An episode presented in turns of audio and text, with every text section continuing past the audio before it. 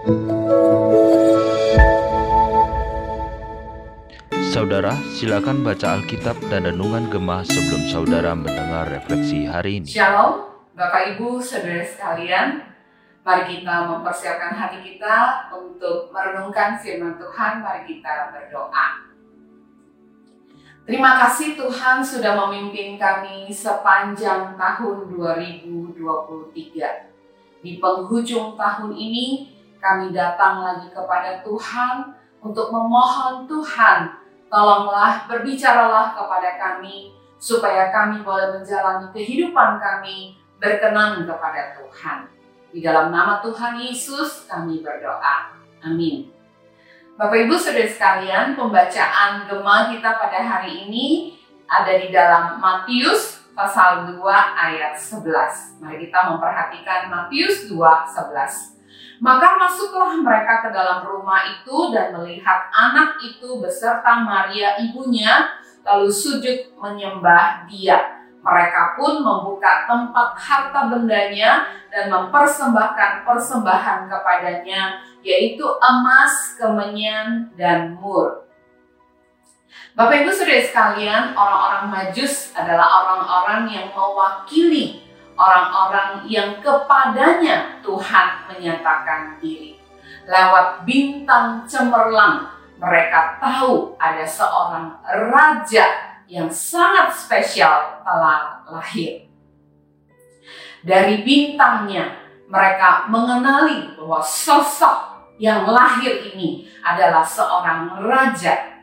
Ayat 2 di dalam Matius pasal 2 mengatakan, di manakah dia raja orang Yahudi yang baru dilahirkan itu, kami telah melihat bintangnya di timur dan kami datang untuk menyembah dia.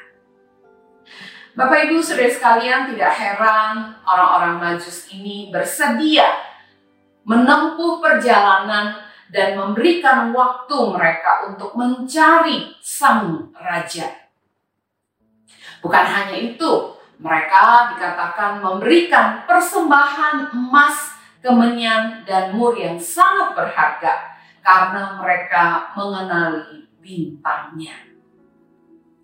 Bintang seorang raja Yahudi. Apalagi setelah mendapatkan konfirmasi dari para ahli Taurat orang Yahudi, kebesaran bayi raja Yahudi ini ternyata telah dinubuatkan pula oleh para nabi Israel. Sungguh bayi ini bukanlah bayi biasa.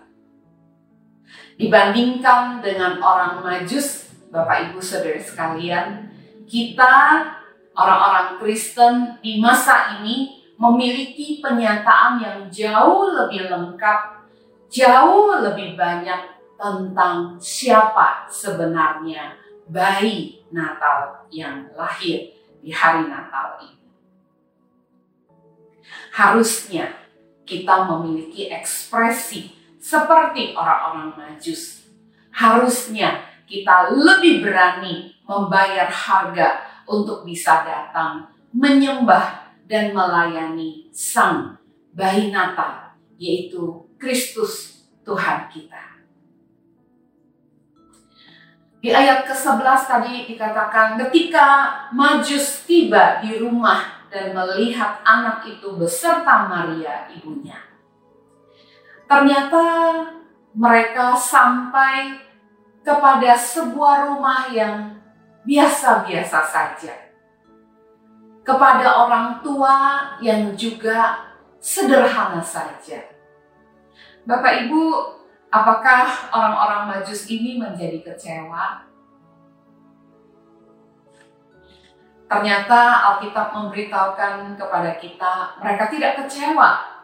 Mereka tidak terkecoh oleh penampilan rumah dan Maria yang biasa, biasa saja. Ayat yang tadi kita baca mengatakan mereka sujud menyembah bayi Yesus. Mereka juga membuka tempat harta bendanya dan mempersembahkan persembahan kepada Yesus. Bapak Ibu Saudara sekalian, pernahkah kita kecewa kepada Tuhan? kecewa karena kenyataan tidak seperti yang kita harapkan. Katanya Tuhan adil, tapi kok Tuhan tidak bertindak ketika kita diperlakukan tidak adil. Katanya Tuhan baik, tapi kok kita mengalami hal yang tidak baik dalam hidup kita. Katanya Tuhan menjawab doa, tapi kok kita sudah berdoa tidak terjadi apa-apa. Orang Majus tidak kecewa karena mereka percaya kepada penyataan tentang siapa bayi Natal ini. Mohon Tuhan tolong kita juga tidak kecewa karena kita mengenal siapa Tuhan kita. Biarlah di akhir tahun ini kita menetapkan hati kita untuk lebih lagi mengenal siapa Tuhan yang kita percaya sehingga kita tidak mudah kecewa. Mohon Tuhan menolong kita. Mari kita berdoa. Ya bayi Natal yang telah lahir mengasihi kami. Tuhan, Kristus yang telah lahir untuk menyelamatkan kami. Biarlah kami semakin mengenal Engkau di dalam hidup kami, sehingga kami boleh menjalani hidup yang lebih berarti Dengarkanlah doa kami. Di dalam nama Tuhan Yesus kami berdoa. Amin.